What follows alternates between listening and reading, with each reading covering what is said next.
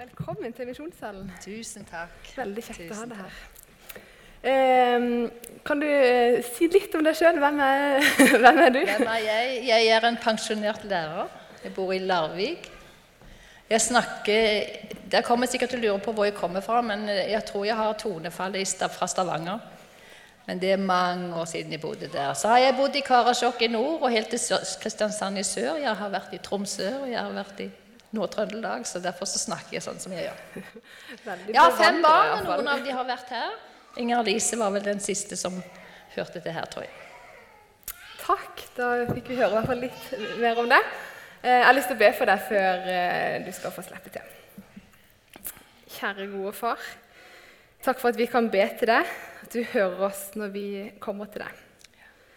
Det har jeg lyst til å takke deg for. Takk for dagen i dag.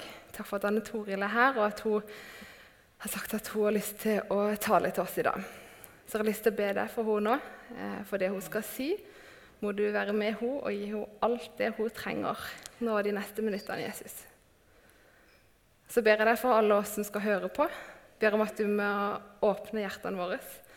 At vi alle kan gå ut herfra i dag og ha, ta med oss noe fra deg, Jesus, at du må berøre oss i dag her i misjonssalen. Herre.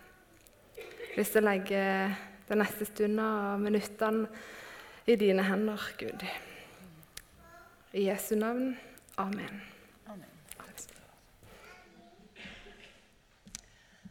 Ja, det var veldig spennende må jeg si, å få komme til Oslo. Jeg har jo sittet nede i salen, men jeg har aldri stått her framme. Og så var det kjekt å se en sånn forsamling med alle aldre sammen. Veldig flott. Og så vet jeg at det er vin vinterferie, så det er nok sikkert mange som er borte. Og nå skal jeg snakke til dere barna først, aller først og fremst. For det er derfor jeg kom, for å snakke med dere. Men de voksne får jo lov å høre på det, ikke sant? Ja, de får det. Alle som er her inne, vet hva et fengsel er, ikke sant? Et fengsel, det er der vi setter fast de som har vært kjempeslemme, som har gjort noe som er helt forbudt. Kanskje har stjålet eller et eller annet. Men nå skal jeg fortelle om en mann som heter Peter. vet du hva? Han hadde ikke gjort noe galt, og enda så ble han satt i fengsel. Tenk på det. Det eneste han hadde gjort, vet du hva det var? Det var å fortelle om Jesus. For han var så veldig glad i Jesus, skjønner du. Han hadde vært sammen med Jesus i tre år. Og så hadde han sagt at han ikke kjente Jesus, men så hadde Jesus snakka med han etterpå, og så hadde han fått tilgivelse. Så han var så veldig glad i Jesus, han bare måtte fortelle om han. Men det var det mange som ikke likte. Og vet du, han kongen der, han heter Herodes, han likte det ikke, han heller. Han var sinna på de kristne. Han, det vil si, han hadde tatt en som heter Jakob, og så hadde han drept han. Og så så han at det var mange som likte det, og så tenkte han nå tar jeg Peter neste gang, så blir jeg enda mer populær. Og så tok han Peter vet du, og satte han i fengsel, enda han hadde ikke gjort noe galt. Peter hadde vært satt i fengsel en gang før han, to ganger før. Men den ene gangen så ble han og noen av de andre disiplene satt i fengsel. Så kom det en engel og slapp de ut, og så sa engelen, 'Gå og fortell mer om Jesus borti tempelet.' Så gjorde de det. Men vet, de som ikke trodde på Jesus, de trodde bare de hadde klart å rømme de. Så denne gangen, når Herodes tok Peter denne gangen, så tenkte han nok nå skal han ikke slippe løs, altså. Nå skal han ikke slippe løs. Og så tok han, sendte han Peter i fengsel. Og vet du hva han gjorde? Han satte hendene hans fast med kjettinger som sto fast i veggen. Ha-ha, tenkte han, nå kan han ikke slippe løs. Og så, og så tenkte han for sikkerhets skyld så hadde han én soldat på den siden og én soldat som sto på den siden. Og for helt for sikker, sikkerhets skyld så satte han to soldater på utsiden av døren til den fengselscellen. Så tenkte han nå kommer han i hvert fall ikke ut. For han regnet jo ikke med Gud, vet du. Det var det som var, vet du. Så tenkte han nå kommer han ikke ut. Men for han kunne ikke, han kunne ikke ta Peter med en gang, for det var påske. skjønner du. Han måtte vente til påsken var slutt. De andre som trodde på Jesus og bodde i Jerusalem, de ble kjempelei seg. Nå hadde de mista Jakob, og nå kanskje de mista Peter. Vet dere hva de gjorde? Vet du hva de gjorde? Skal jeg si det? De kom sammen hos Maria Ikke Maria, ikke Jesus sin mor, altså, men en annen Maria. Og så hadde de bønnemøte. De kom sammen for å be, for det var det eneste. De kunne ikke gjøre noe annet. De kunne jo ikke gå i fengsel og få han ut. Og ikke hadde de hjulpet og protestert eller gått i tog eller et eller annet. Men det var mye bedre å ha bønnemøte. Så de, de til, gikk til hun Maria, og så hadde de bønnemøte. Det var ikke sånn bønnemøte som vi noen gang har, liksom som varer bare et kvarter eller en halvtime eller en time eller noe sånt. Nei, det varte utover natt natten. Vet du hvordan jeg vet det? Det er fordi at det som jeg skal fortelle dere nå, det skjedde om natten. De ba om natten. Og så var det ikke bare to-tre stykker eller fire-fem eller sånn som kom. Mange, står der, kom fra menigheten kom til Maria, og så hadde bønnemøte. Og så ba de inderlig til Gud for Peter, står det. Det var lurt. Det var det lureste de kunne gjøre. De hadde bønnemøte for Peter. Og nå skal dere høre hva som skjedde om natten. da. Vet dere hva Peter gjorde? Tror dere han lå og grein inne i cellen der og grudde seg veldig? For det var natten før de skulle komme og hente ham. Nei, han sov. Han lå der og sov. Vet du, Jeg syns det er så rart at han klarte å sove, for når jeg er nervøs, så får jeg ikke sove. Men så tenkte jeg, vet du, jeg tenkte Husker dere at før Jesus skulle reise opp til himmelen, så sa Jesus noe?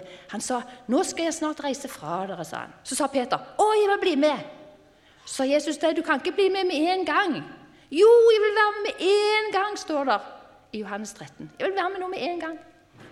Nei, sa Jesus, 'men i min fars hus der er det mange rom'. Hadde det ikke vært sånn, så hadde jeg sagt dere det. Men nå skal jeg gå av sted, og så skal jeg gjøre ferdig et rom til dere. Og når det er ferdig, så skal jeg komme og hente dere, sånn at dere kan få være der som jeg er. Det kan man lese i Johannes 14. Så Peter han visste jo det, han at om Herodes tok livet hans, ja, ja, så gikk han jo rett inn i rommet i himmelen til Jesus. Jeg, jeg tror han tenkte sånn. Jeg vet jo ikke, det står ikke her, men jeg tenker det. Men nå skal dere høre hva som skjedde om natten. da. Plutselig, når han lå der og sov, så kom det et lys inn i cellen. Og så kom det en mann inn. Det var en engel. Så dunka han i sida på Peter sånn. 'Peter, skynd deg, stå opp!' Peter skjønte ingenting. Han kunne jo ikke stå opp, han sitter jo fast. Men plutselig så datt lenken av. Peter reiste seg opp og tenkte dette må jo være bare en drøm eller noe, et syn eller noe. Men så sier engelen, sånn som så, sånn så mammaene deres sier til dere noen ganger du, 'Nå må du ta på deg skoene, og så må du ta på deg jakken', sier de når du skal gå ut. 'Så må du ikke glemme luen.' Ikke sant? De sier sånn. Sånn måtte engelen si til han. 'Peter, du må ta på deg beltet', sa han. 'Og så må du ta på deg skoene.' 'Og så kast kappen over deg, og følg meg.' Og Peter han trodde han drømte eller at det var syn, så han tenkte han skjedde ingenting. Men han gjorde det som engelen sa. Han tok beltet rundt seg, og så tok han på seg skoene, og så tok han på seg kappen. Men det som var så rart, skjønner du, som jeg har tenkt på siden De der to soldatene Det sto bare der, de. Det står ikke at de gjorde noen ting. Kanskje, Gud, kanskje Gud gjorde det sånn at de ikke så at han gikk. Så det var jo ikke rart han trodde det var en drøm. Og så kom han ut gjennom porten, og der sto det to soldater til, og de gjorde ikke noe, de heller. Og så kom han til en diger jerndør, vet du. En svær port av jern. Vet du hva som skjedde med den? Den bare gikk helt opp av seg selv. Og der gikk de ut. Men Peter trodde enda det var bare et syn. Og så gikk de helt i enden av den gaten, og plutselig så var engelen borte. Og da står det at Peter kom til seg selv. Kanskje han kløp seg i armen. Han, han sov ikke. Han sto der på natten ute i gaten. Så tenkte han Vet du hva det står? Da kom Peter til seg selv og sa, 'Nå vet jeg for visst at Herren har utsendt sin engel' 'og fridd meg ut av Herodes hånd' 'og fra alt det som jødefolket har gått og venta på'. Så tenkte han, 'Hva gjør jeg nå?' Jo, jeg går til Maria. Hun bor jo her borte, hun Maria, mammaen til Johannes Markus. Hun kan jeg gå til, selv om det er om natten. Han tenkte at hun sov. Han bankte på portrommet. Det var ingen som kom. Han trodde nok de sov. Så kom det ei dame, som, ei jente som heter Rode. 'Hvem er det?' sa hun. 'Det er Peter', sa han. 'Lukk opp.' 'Det er Peter', sa hun. Og så glemte hun å lukke opp. Og så sprang vi inn til de andre. 'Peter er kommet! Peter er! Vet du hva de sa? Nei, du, nå går det rundt for deg. Hadde de nettopp bedt inderlig til Gud for Peter, og så trodde de ikke noe på det. Når, når Gud hadde hørt bønnen deres og sendt en engel til og med og henta han ut Nei, det må være engelen hans, sa de. Nei, men han bankte på. gikk de alle sammen ut og kikket. Hvem er det? Det er Peter! Lukk opp! sa han. Og så lukket de opp. Og vet du hva? De snakka i munnen på hverandre, for det står at Peter måtte løfte opp hånden og si hysj, må du være stille. Så sa de sitter ikke du i fengsel? Nå skal dere høre, sa han. Vet du hva? Jeg lå der og sov med lenker på begge hendene. Plutselig så ble det lys, og så var det en som dunka meg i sida, så jeg måtte skynde meg å stå opp. Og så datt lenken av hendene mine. Og så ikke bare det, skjønner du, men han sa jeg skulle ta på meg belte og skoene og kappen og skulle følge med. Og jeg trodde jo selvfølgelig det bare var et syn, så For soldatene, de bare sto der, de. Men så gikk vi ut, og til slutt så kom vi ut gjennom den store jernporten. Den gikk opp av seg selv, og så gikk vi ut, og plutselig så var engelen vekk. Og da skjønte jeg jo at Gud hadde sendt en engel og redda meg fra Herodes sin hånd. Dette må dere fortelle til Jakob, broren til Jesus, og så de andre brødrene. Men nå må jeg gå. Og så gikk Peter. Dagen etterpå så vet jeg en som ble veldig sinna. Vet du hvem det var? Det var Herodes. For han var så kjekk. Nå skulle han ta Peter, sa han. Gå og hent Peter i fengselet, sa han. Så gikk de av sted. Så var det ingen Peter borte. Gud hadde sluppet han ut av fengselet, for det var tiden var ikke inne. Rommet var ikke ferdig. vet du. Så han måtte få lov å leve en stund til. Og så står det at han, han tok for seg de soldatene som ikke hadde passa på ham. Nå har vi snakka litt om bønn, og dere fikk høre litt om bønn her foran òg. Og så trenger vi ikke telefon. Før i gamle dager da hadde vi sånn telefon med sånn ledning. vet du. Og da kunne vi si at vi må ikke få knute på tråden, måtte vi si da, ikke sant? når vi skal snakke med Gud. Men nå har vi jo sånn trådløs, ikke sant? så nå er ikke det bildet så godt, da. Men altså, vi kan snakke med Jesus hvor som helst, når som helst. Vi kan snakke til ham når vi er glad, når vi er lei oss, når vi er redde, når det er noe skummelt, når noen er slemme med oss. Absolutt alt. Og han ønsker vi skal komme og snakke med han. Vet du hva? Vi kan på en måte sammenligne han med mor og far, eller mamma og pappa. Mamma og pappa vil jo òg at vi kommer og snakker med dem om alt mulig. ikke sant? Tenk hvis vi kom hjem fra skolen for eksempel, og så gjorde sånn. Og ikke sa et eneste ord til mamma og pappa hele dagen og neste dag og neste dag. Og kanskje vi sa lite grann en dag, og så, da hadde de tenkt nå er de syke, vi må gå til doktoren med dem. Eller hvis dere kom inn og så holdt for ørene sånn. Ikke ville høre noe mamma og pappa sa. Det går jo ikke an. Det er jo ikke sånn det er. Det er så godt med mamma og pappa.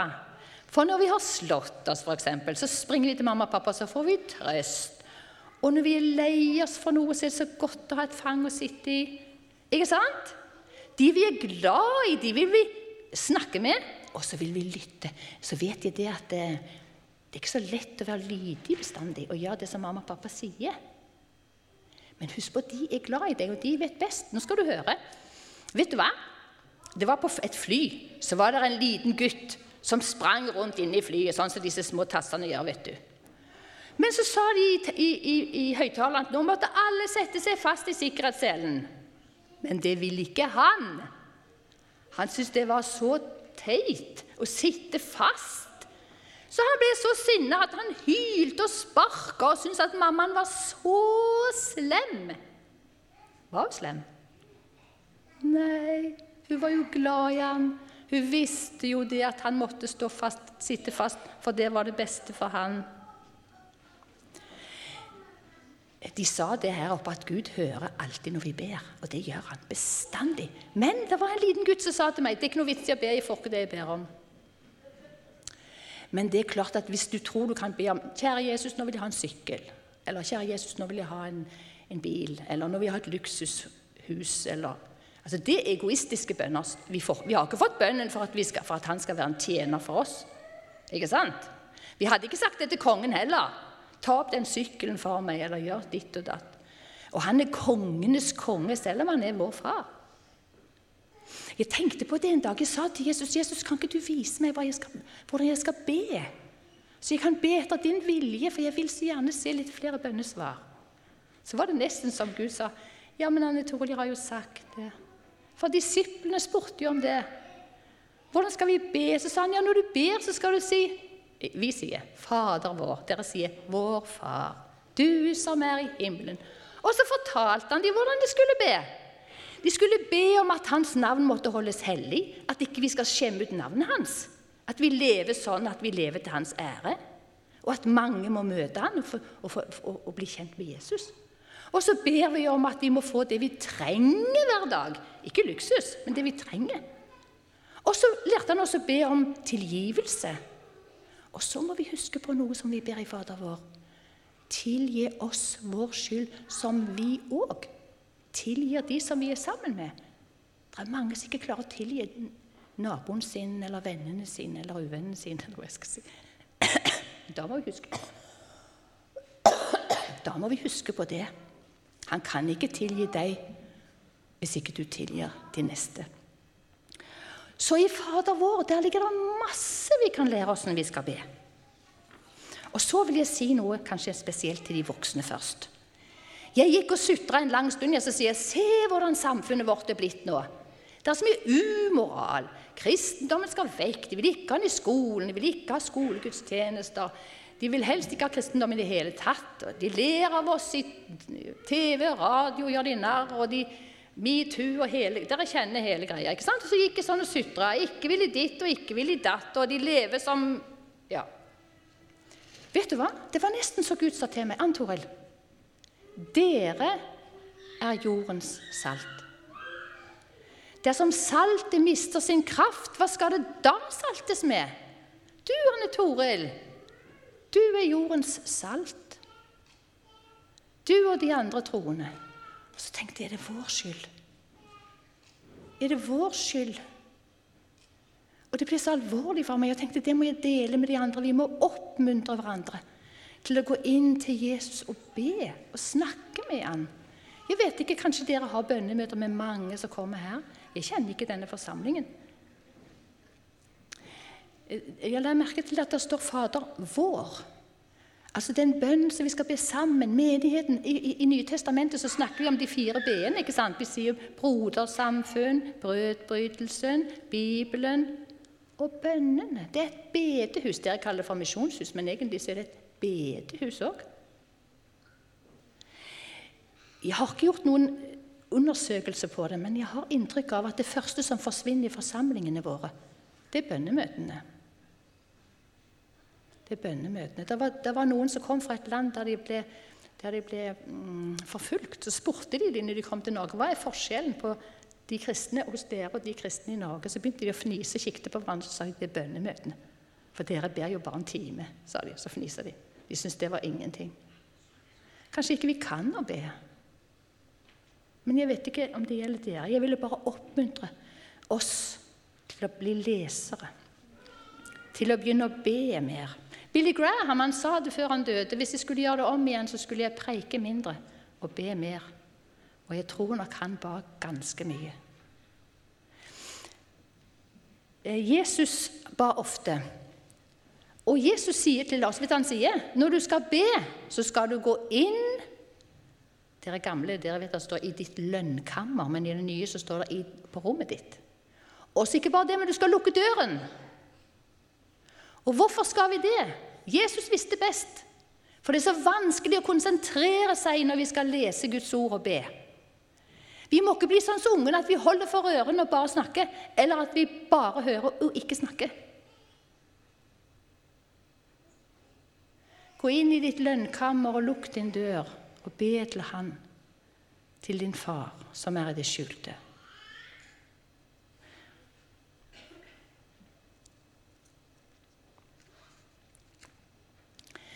Jeg har holdt litt på i ehm, Daniels bok. Jeg tror jeg skal ta det med. Jeg hadde ikke skrevet det opp, men jeg tar det med. Daniels bok. Jeg ble så imponert Jeg skulle så gjerne ligne Daniel. Når vi var små, så sa han 'Jeg vil ligne Daniel, og jeg vil ligne Ruth'. For Daniel han var så modig, han, men det var ikke derfor jeg ville ligne Daniel. Jeg vil ligne Daniel, for han hadde sånn et nært forhold til, Gud.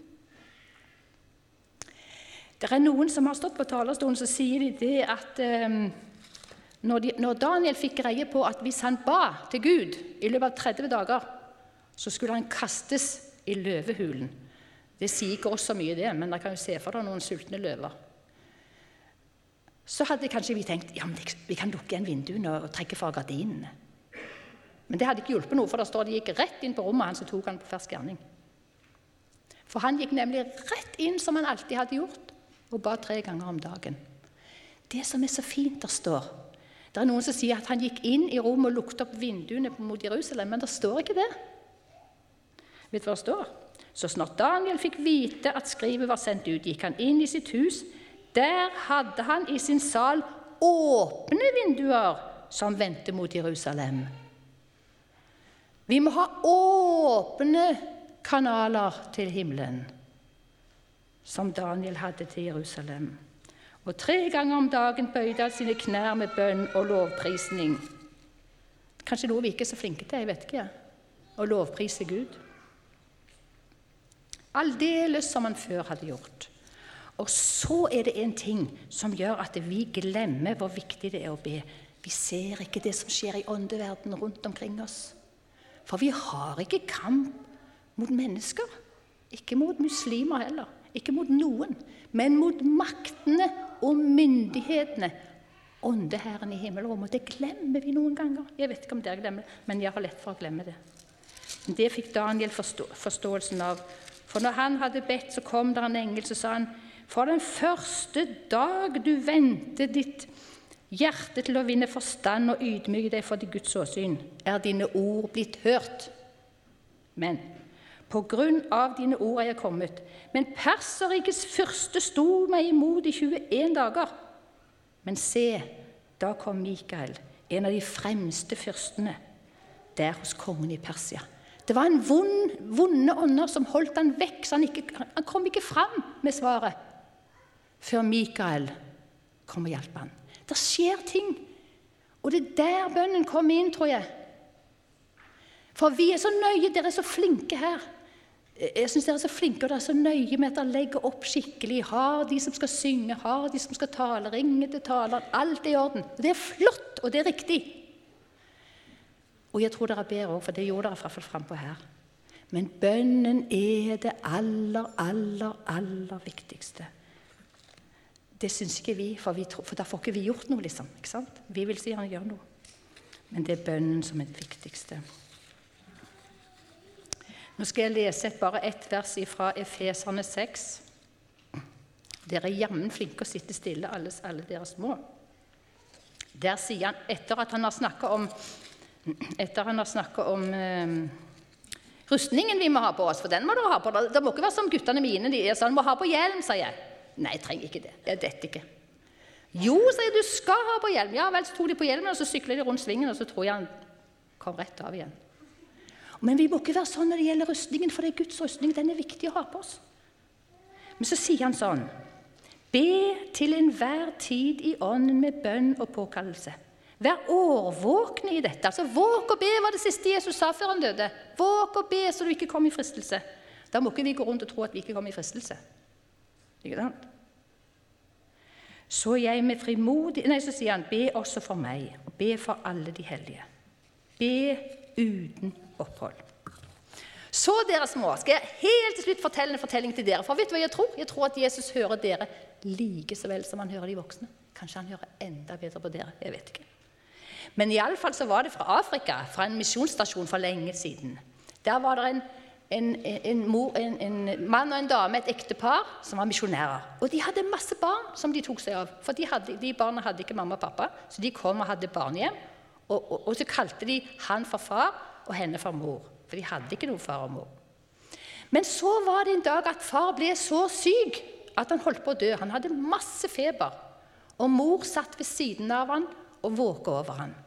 Plutselig så gikk døren opp, og så kom det noen barn inn som sa mor, kan vi få låne nøkkelen til kirken? Ja, sa det kan du godt. Så tok de nøkkelen så gikk de stille ut igjen. Men så tenkte mor hva skal de? Og Så reiste hun seg opp og så gikk hun ut og så lukket hun opp døren forsiktig. Og vet du hva? Det var et fantastisk syn. Der lå de små på kne og ba for far at Gud ikke måtte ta ham fra dem ennå. Tror dere Gud hørte den bønnen? Det gjorde han. Og det var etter Guds vilje, så far ble helt frisk. Han, feberen gikk bort, og de fikk beholde far. Gud hører bønner i dag som før. Skal vi be sammen? Kjære himmelske Far, jeg takker deg for det. At du har vært her, og du er her inne i lag med oss, enda vi kan ikke se deg. Men du har sagt det i Bibelen at når vi er samla i ditt navn, så er du der. Og Nå ber jeg, far, om at alt det vi har fått høre fra ditt ord, for det er ditt ord, at det ikke må vende tomt tilbake. Du kjenner alle de som sitter i salen, de små og de mellomstore og de store. Og så vet du hva vi har inni hjertene våre. Og så kjenner du oss, og så vet du hvor vi bor, og så elsker du oss. Og så vil du så gjerne ha kontakt med oss. Du vil så gjerne at vi ikke bare på møte, men også hjemme skal ta oss tid sammen med deg, så vi kan ha kraft og være jordens salt. Amen.